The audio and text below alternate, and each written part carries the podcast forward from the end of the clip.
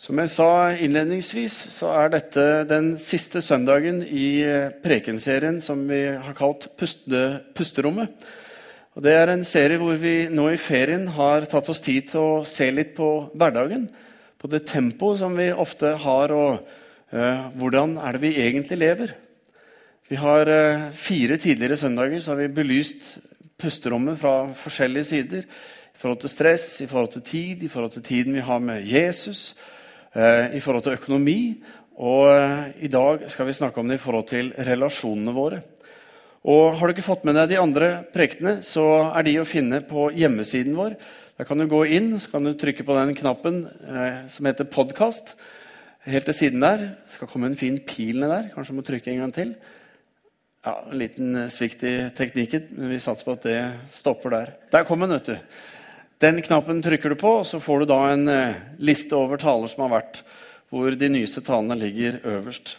Og Kanskje har du akkurat vært der inne nå og trykket på den knappen og hører på denne talen. Jeg har bare lyst til å si velkommen også til deg. Pusterommet det har vi definert som eh, den avstanden som eh, er mellom det tempoet vi har, og grensene våre. Fordi faktum er at mange av oss vi lever tett opp til grensene våre, og så sliter vi med å finne pusten. Vi sliter med å hente oss inn. Vi lever litt sånn andpustne liv. Så er Det sånn at det kan jo være sunt og det kan være lærerikt å utforske grensene sine i perioder. Men det er jo viktig at det forblir i perioder. Fordi perioder de har en ende. Og når det får en ende, så kan vi lære noe av det. Vi får en avslutning, vi kan evaluere. Vi kan se hva kan vi forbedre, hva kan vi videreutvikle osv. Og så er det også sånn at når ting ikke har en ende, så når vi hele tiden lever på grensen, så viser det seg ofte at eh, vi mennesker vi har en ende. Så i dag er det altså i forhold til relasjonene våre vi skal snakke. og eh, Hovedfokus blir nok litt på mann, kone, ekteskapet. Men jeg tror det vil være eh, masse å hente for eh, andre relasjoner i forhold til familie, venner eh, osv. Og, og ikke minst også selvfølgelig i forhold til troen.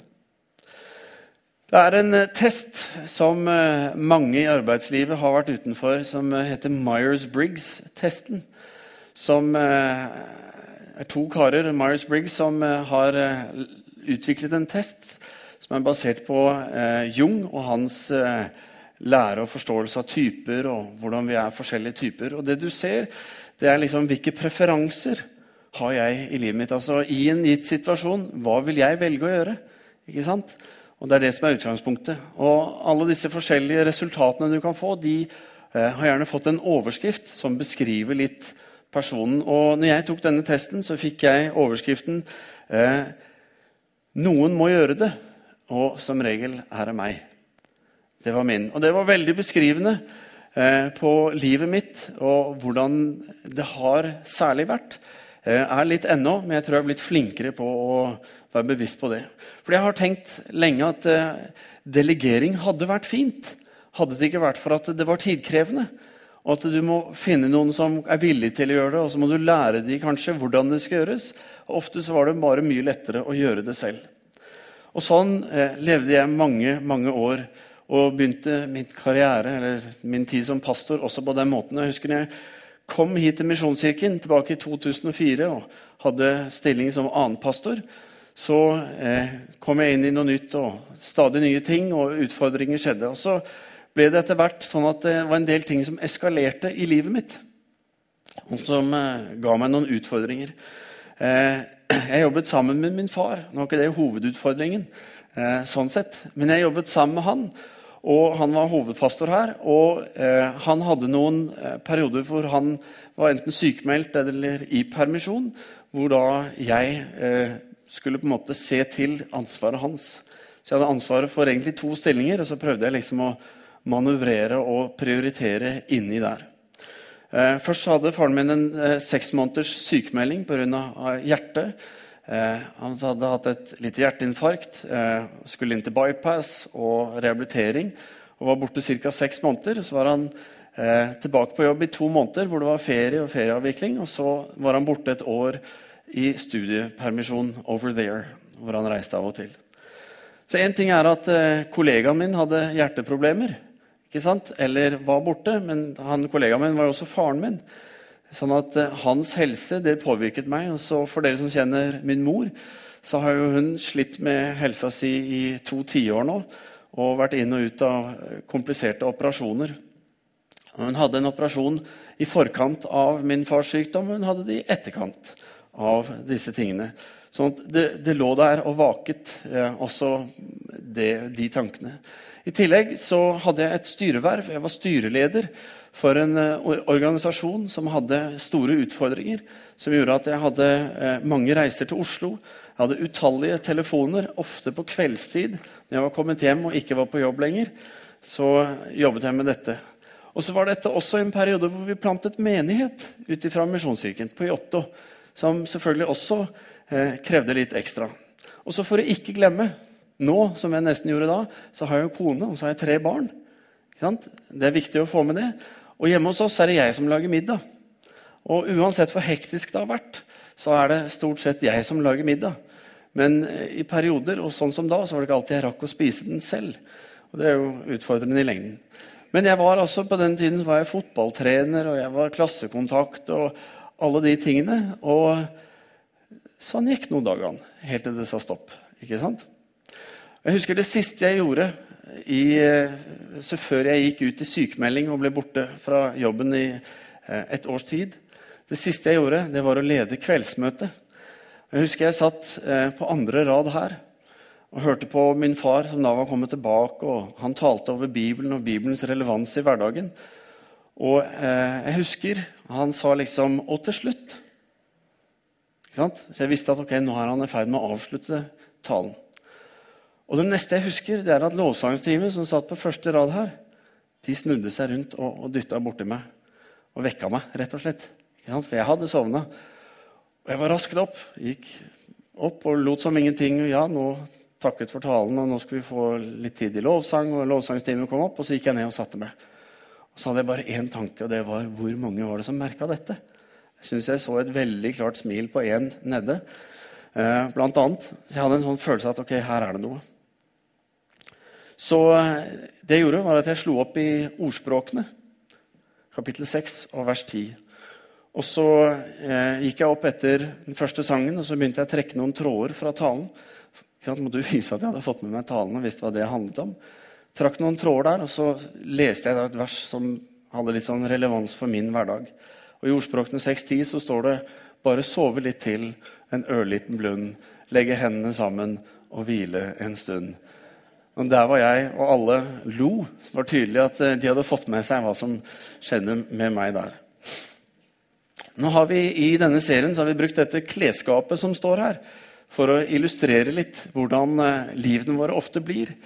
Evnen til å stappe og stappe. Nå ser du to forskjellige sider. Den ene er ikke fullt så eh, eller Du kjenner deg igjen på en av dem, for å si det sånn. Men her, på høyresiden, så har vi ofte i livet en tendens til bare å stappe og stappe ting inn. Rett og slett fordi vi ser at det er plass. ikke sant? Og så blir det fullere og fullere.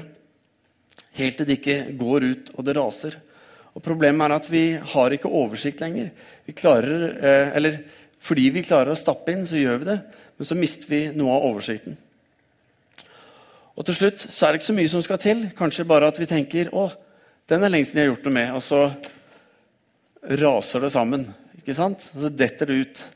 Og så har vi ikke den kontrollen lenger. Kanskje du kjenner deg igjen i det. Kanskje er det sånn hverdagen din er nå. Ting er egentlig stappfullt. Eller kanskje er det du skal tilbake til etter ferien. Fordi sånn var det før ferien, og du har ikke noen løsning på det. Og Kanskje preger det også troen din. At det er ikke helt plass. Og når du begynner å røre ved noe, så virker det som at alt skal bare kollapse. Det er nemlig sånn at Når vi har pusterom i livet, når vi får puste, da vokser vi. Da vitaliseres vi. Da kan vi tenke over, da kan vi jobbe med, da kan vi utvikle. Da kan vi gjøre noe med den hverdagen vi har. Når vi får puste. Og når vi ikke får puste, når det er lite pusterom, så kveles vi sakte, men sikkert, og livet får problemer. Og Så mister vi som sagt oversikten. Ikke bare over alt som skal gjøres, men vi mister også oversikten over hvorfor noe skal prioriteres framfor noe annet. fordi det blir gående i en, en storm. Vi kjemper for å få gjort alle ting, og altfor ofte så faller viktige ting bort. Og ikke bare prøver vi å holde alle, altså sjonglere alle ballene, men samtidig så har vi et ytre å tenke på veldig ofte. Hvor vi kjemper for å framstå som velfungerende, som balanserte. og ja, vi takler livet, og det går så bra. Hvordan har du det? Ja, det går så bra med meg. Det er mye å gjøre, men det går bra. ikke sant? Og så bevarer vi dette, og så kan bare det å bevare det ytre være slitsomt nok i seg selv, i tillegg til at en skal holde på med alt dette. Og så er det sånn at I kirkeverden så er det kanskje enda mer utfordrende. Jeg skal ikke ta, eh, si, eh, si at det er verst hos oss alltid. Men i kirkeverden så har det i hvert fall det at når vi strekker oss, altså når jeg som pastor strekker meg, så gjør jeg jo det for Gud, ikke sant? Det er Guds vilje jeg står og jobber med. Det er, det, det er hans sak jeg brenner for. ikke sant? Og så er det veldig lett å åndeliggjøre forsvare eh, en sånn måte å leve på fordi det er Gud. ikke sant? Og så formulerer man litt sånn ubevisst denne bønnen. Herre, hvis du tar hånd om eh, hjemmet mitt, så skal jeg ta ansvar for kirka di. ikke sant?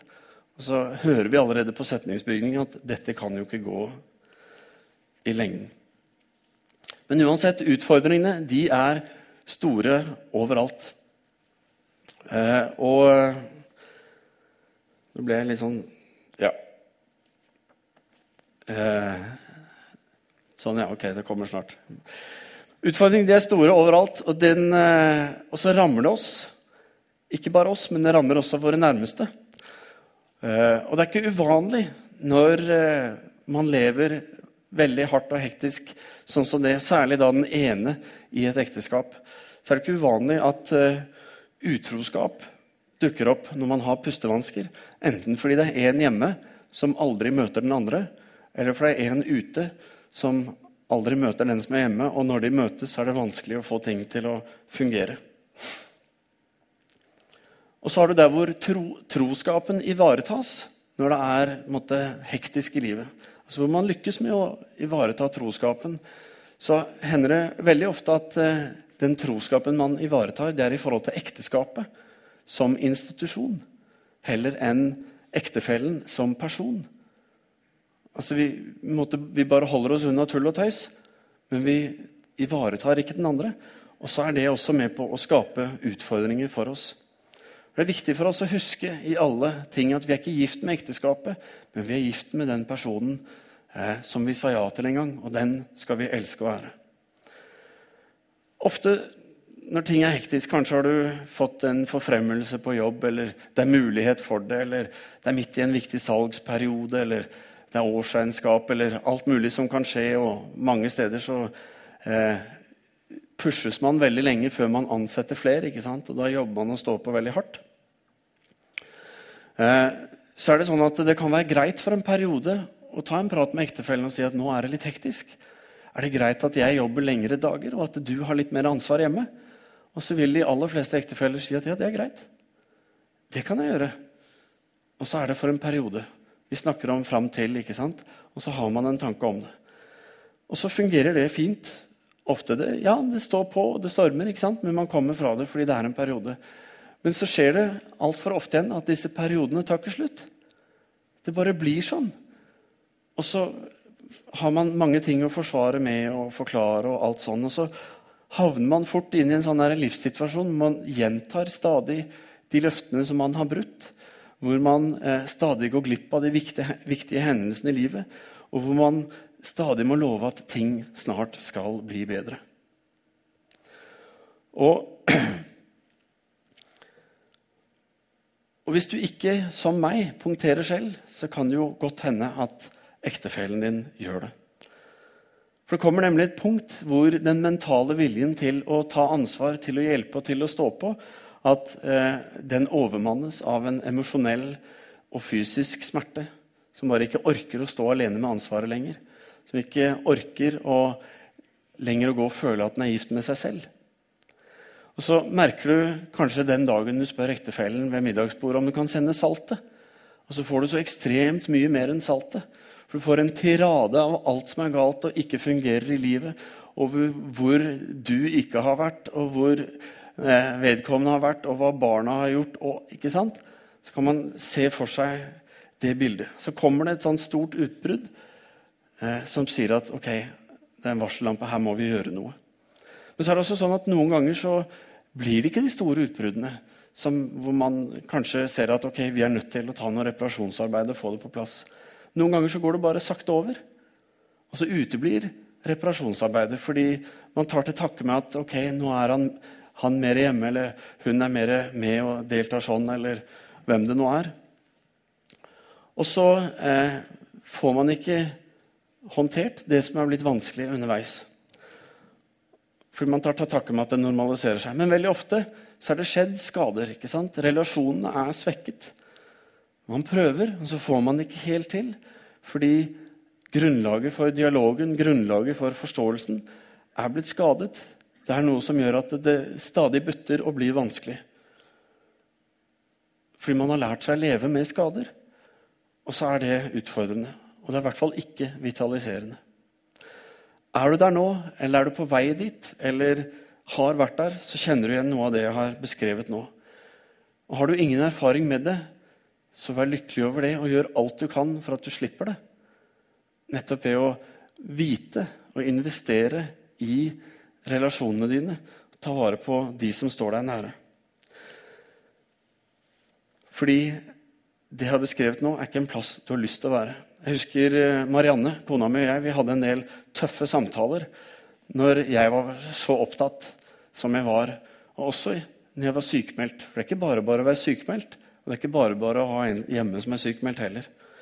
Men for oss så klarte vi å holde fast ved i våre samtaler at vi hadde en kjærlighet i bånd, og at vi ville måtte få dette til.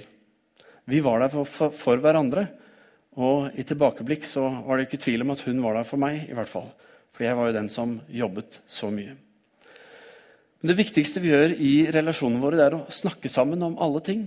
Sette oss ned og, og finne ut hva det vi egentlig ønsker. Og Da kan dette spørsmålet eh, være altså, hvordan ser det ut ideelt sett hos oss i vår relasjon? Om det er ekteskap, eller det er i familien, eller det er i vennskap, eller i forhold til foreldre eller barn eller barnebarn altså, osv. Hvordan ser det ideelt, ideelt sett ut? Hvordan skulle vi ønske at ting var? Og Det handler om å, å, snakke om Ikke si at 'du gjør ikke', altså klandre der, men å si noe om hva ønsker vi, og så kan vi se hvordan kan vi nå fram til dette målet sammen. Og Så blir man ikke alltid 100% enige om ting.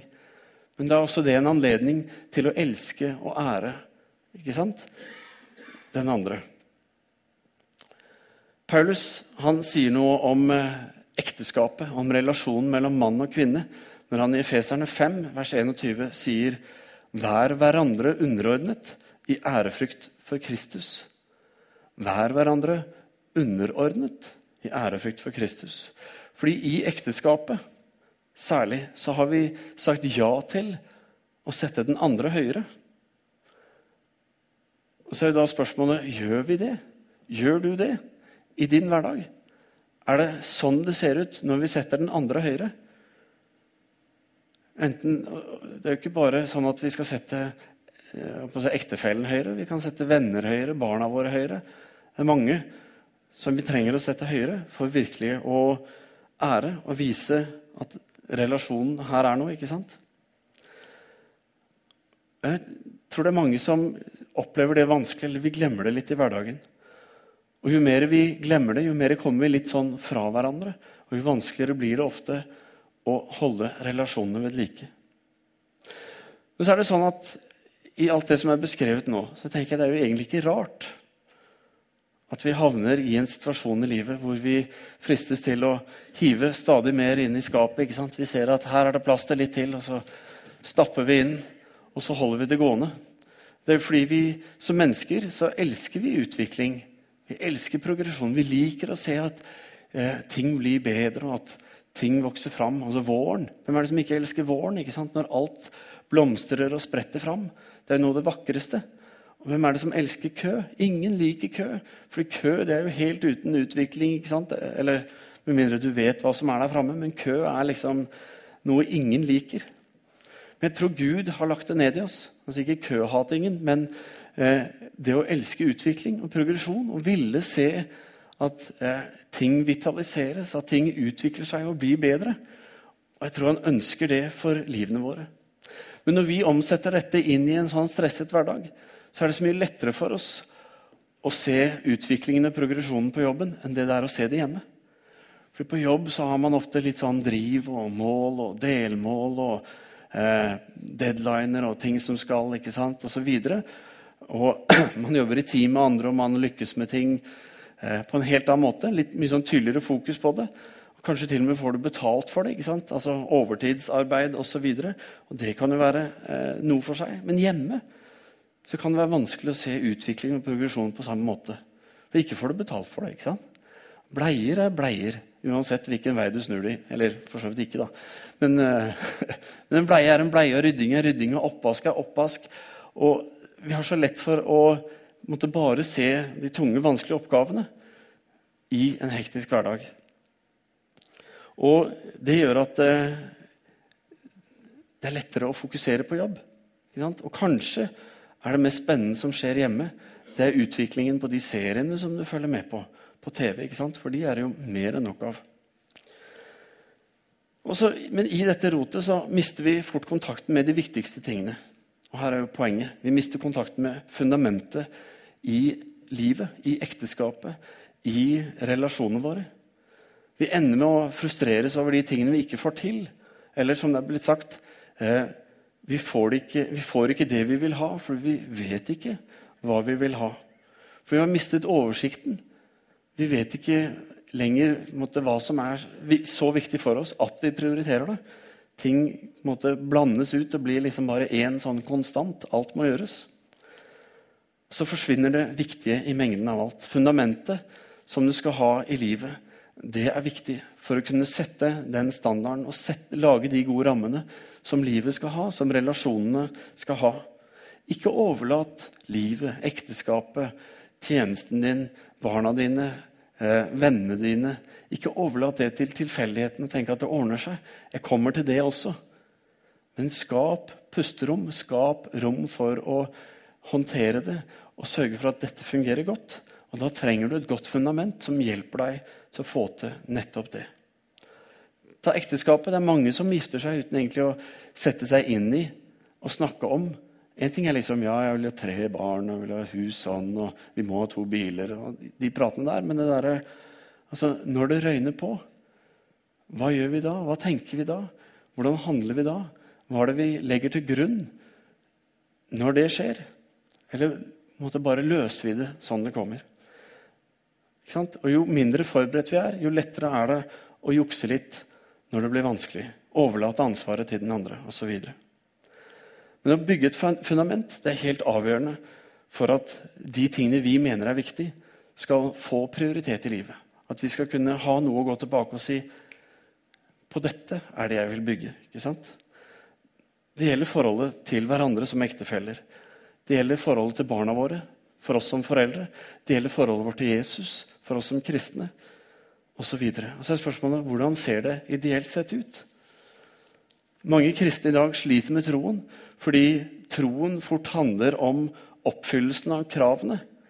At du må lese så og så mye, du må be så og så mye for at du skal være en god kristen. Ingen som har sagt det sånn til deg, men vi, det er det vi ender opp med, for det er så håndgripelig. Og så ender vi ofte opp med å eh, prøve å holde liv i institusjonen kristen mer enn et levende forhold til en levende Gud til en nær relasjon med Jesus Kristus. Erfaringen av han. Hvis ikke den kommer først, så blir relasjonen noe helt annet. Da blir den i verste fall fundamentalisme. Det er ikke bra. Men relasjoner de bygges fra hjerte til hjerte, ikke fra hode til hode. For hode til hode der blir vi mest opptatt av hva kan jeg få ut av dette. Hva, hva handler dette om for meg? Og så er ikke hodet særlig godt på å underordne seg men hjertet er det. Og I vers 25 i Feserne 5 som vi så i sted, så gir Paulus oss et bilde på hva underordning er. Når han sier til dere menn, så sier han dere menn, elsk konene deres slik Kristus elsket kirken og ga seg selv for den. Der har du underordning ut. Sånn ser det ut. Og skal vi få til det, å elske så høyt, så trenger vi pusterom. Akkurat som eh, vi trenger Altså, hviledagen er til for at vi skal ha pusterom. Det var det man brukte hviledagen til. Det var å tenke igjennom ikke sant? og ha, få litt avstand fra maset, sånn at man kunne jobbe med det. Og eh, Gud vil vi skal ha pusterom, fordi det er det som vitaliserer oss. Det er det som hjelper oss med å ta de rette valgene og bygge godt i livet. Rom til å evaluere og lære og forbedre oss osv. Så, så er det sånn at i livet, når vi går ned til fundamentet, så har vi noen hovedroller, du og jeg. For meg så har jeg to hovedroller som er ment til bare å være mitt. Bare jeg skal gjøre. Ingen andre skal gjøre det. Det første jeg skal være ektemann til min kone. Og det andre er at jeg skal være far til mine barn. Og hvorfor skal jeg bytte disse tingene med oppgaver og ting som andre kan gjøre? Tenk på alle første tingene i barnas liv som du må være der for å oppleve, for å kunne få med deg. Tenk på de beste øyeblikkene du har med ektefellen din. Det er noe du kan bygge videre på. Ikke ha det så travelt at du håper at du kanskje får et sånt øyeblikk en annen gang. Kanskje om fem år, eller for det var fem år siden sist, eller kanskje for ti år. ikke sant? Men det er noe med å gå inn og bygge der en kan bygge. Og så ikke kjøp den tanken om at ekteskap det er noe som på en måte skal bli kjedeligere og kjedeligere. Man skal liksom bare leve sammen, og det er ikke så spennende som det var da man var ung. Ikke kjøp den. Men for alt i verden, ikke bytt bort det som er unikt for deg, mot noe som andre kan gjøre. Hva er det som er viktigst? Hva er fundamentet? Hvor er det vi er kalt til å være, og hva, på hvilket grunnlag skal vi gjøre det? Min erfaring er at ekteskapet det blir bare bedre og bedre det, når jeg investerer og prioriterer inn i livet til min kone. Og så er det sånn med troslivet at jo mer jeg bruker tid på det, mer jeg søker Jesus, jo bedre blir også troslivet mitt. Når jeg kommer til Gud med mitt liv, åpner mitt hjerte, da skjer det noe også der. Barna våre får det bedre når vi setter av tid til dem. For når livet er hektisk, så er det så lett å erstatte vi, den tiden vi skal ha med dem, med å kjøpe ting. Eller utvide kanalpakken på TV, eller en ny iPad eller en ditt eller en datt. Så vi måtte okkuperer tiden deres, og de ikke merker så mye at vi er borte. Og så gjør vi fort det barna vil. Så blir vi dumsnille og ettergivende. Og jeg tror barn trenger å lære at man må ha noen faste holdepunkter. Man må ha et fundament som er med på å sette kursen for hvordan hverdagen ser ut. Som gjør at vi sier nei til det og ja til det. Venter med det, går i gang med det, osv. Jeg tror Bibelen er et sånt fundament. Og Personlig så tror jeg det er det beste fundamentet. Men jeg tror det må skje ut ifra en nær relasjon med Jesus. Hjerte til hjerte. For uten den relasjonen, som sagt, så blir det hode til hode. Og da blir det fort fundamentalistisk. Og Husk det, en relasjon, en nær relasjon, den er ikke bygd på kunnskap eller dyktighet eller oppfyllelse av visse krav. Men det handler om hva, hva det hjertet ditt sier om vedkommende, om Gud, om Jesus osv. Det er som å være nyforelska. ikke sant? Du har truffet dette mennesket for første gang. Så liksom koker det litt i øynene dine, og du kjenner det inni deg når du ser personen. Kjenner den ikke veldig godt, men det er et eller annet som får Å, jeg vil ha mer av dette. Og det er en nær relasjon, fordi det er hjerte til hjerte. Det er det jeg tenker på når jeg sier nær relasjon. Og de nære relasjonene de er preget av kjærlighet. Og når det skjer handling bak det, og det skjer i ydmykhet, så opplever vi gode ting. Jeg har akkurat lest gjennom Filippe-brevet. Og eh, i kapittel 4, vers 4-7 skal vi lese sammen. sier Paulus noen gode ord. Han sier, 'Gled dere alltid i Herren'. Igjen vil jeg si, gled dere. La alle mennesker få merke at dere er vennlige. Herren er nær. Vær ikke Skal vi se Vær ikke bekymret for noe, men legg alt dere har på hjertet, framfor Gud. Be og kall på Han med takk, og Guds fred, som overgår all forstand, skal bevare deres hjerter og tanker i Kristus Jesus. Legg alt dere har på hjertet, framfor Gud. Det er hjerte til hjerte. Det er ikke noe krav om at du må ha innfridd noe. Men det er å komme til Gud og legge det hos Han. Og Så sier han at han vil bevare oss. Hans fred, ikke sant, som overgår all forstand, skal bevare oss. Og når vi glemmer å legge alt fram for Gud, og bare peser på videre, så er det også vanskelig for Gud å fylle oss med sin fred og bevare oss som vi gjerne ønsker og vil. Jesus gir en helt avslutning. Jesus gir en viktig retning for all fundamentbygging i våre liv, i våre relasjoner. Og alt når han sier i Matteus 6, 33, så sier han Søk først Guds rike og hans rettferdighet. Og så skal dere få alt det andre i tillegg. Og vi, Jo mer vi utforsker den, jo mer tror jeg vi også vil se at det skaper balanse i livet. Det gir oss pusterom fordi vi får andre verdier enn det å jage etter tempo i samfunnet og oppfylle alle krav som egentlig ikke er de sanne, dype, viktige kravene. Skal gjøres, ja, men det er mange måter å gjøre det på. Skal vi be. Kjære himmelske Far. Takk, Herre, for at uh, du Herre, ønsker at vi skal ha det godt.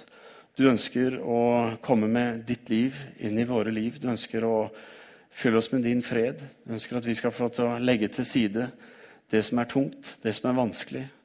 At vi skal komme til deg under alle forhold, Herre. At uh, uansett hva det er, Herre, så skal vi få komme til deg med det. Og så ønsker du, Herre, å tale inn i det. Du ønsker å komme med din fred, med din nåde, med din kjærlighet, med din visdom, med din kunnskap, med din uh, eh, evne til å se og forstå alle ting. Og så ønsker du å hjelpe oss videre, Herre. Men hjelp oss, Herre, å se viktigheten av å eh, ha et godt fundament i livet. Og at når det fundamentet er deg, Herre, så skal vi få alt det andre i tillegg. Da har vi en, eh, en vei, Herre, som vi vet er god, fordi det er du som er den veien. Det er du som er den sannheten, og det er du som er det livet. Det er du som viser oss hvordan ting eh, skal være. Og så får vi forstå ditt ord ut ifra hvem du er, ut ifra det hjertet som du har for oss, og som vi får ha for deg, Herre. Så Herre, takk for at eh, vi kan komme til deg med alle ting. Og hjelp oss å gjøre det. At ikke vi strever i egen kraft. Men hjelp oss, Herre, å få den balansen som livet med deg gir. Og hjelp oss, Herre, til å både hvile og til å stå på når det er behov. Men hjelp oss først og fremst, Herre, å få lov til å leve i denne relasjonen til deg. Og så bygge på det. Og se alle de gode tankene og hensiktene du har i forhold til eh, vår rolle som barn i et hus, vår rolle som foreldre i et hus, vår rolle som venner, som eh, slekt, som uh, arbeidstagere, som arbeidsgivere, som naboer. Herre, av alt hva vi er i våre liv, og i vår hverdag. Takk for at uh, du kjenner alt og kan hjelpe under alle forhold. Så hjelp oss å komme til deg, slik at vi får pusterom, Herre, slik at vi får vokse, at vi får den fremgangen, Herre, som bare du kan gi.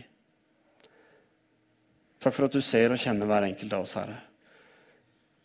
Takk for at du vet akkurat hva vi har kjent på siste halvtimen i denne, under talen, Herre.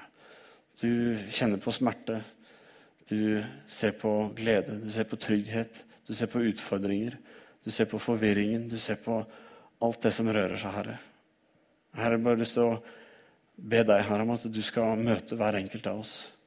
At vi skal åpne oss opp. At vi skal kalle på deg med våre liv. Sånn at vi kan kjenne det, Herre. Når vi legger alt framfor deg, så kommer du med din fred. en fred som overgår all forstand. Og så bevarer du oss, våre tanker og våre hjerter, i Jesus Kristus, som døde for oss, og som ga oss nytt liv, Herre. Vi takker og priser deg, og vi legger eh, livene våre i dine allmektige hender, Far. I Jesu navn. Amen.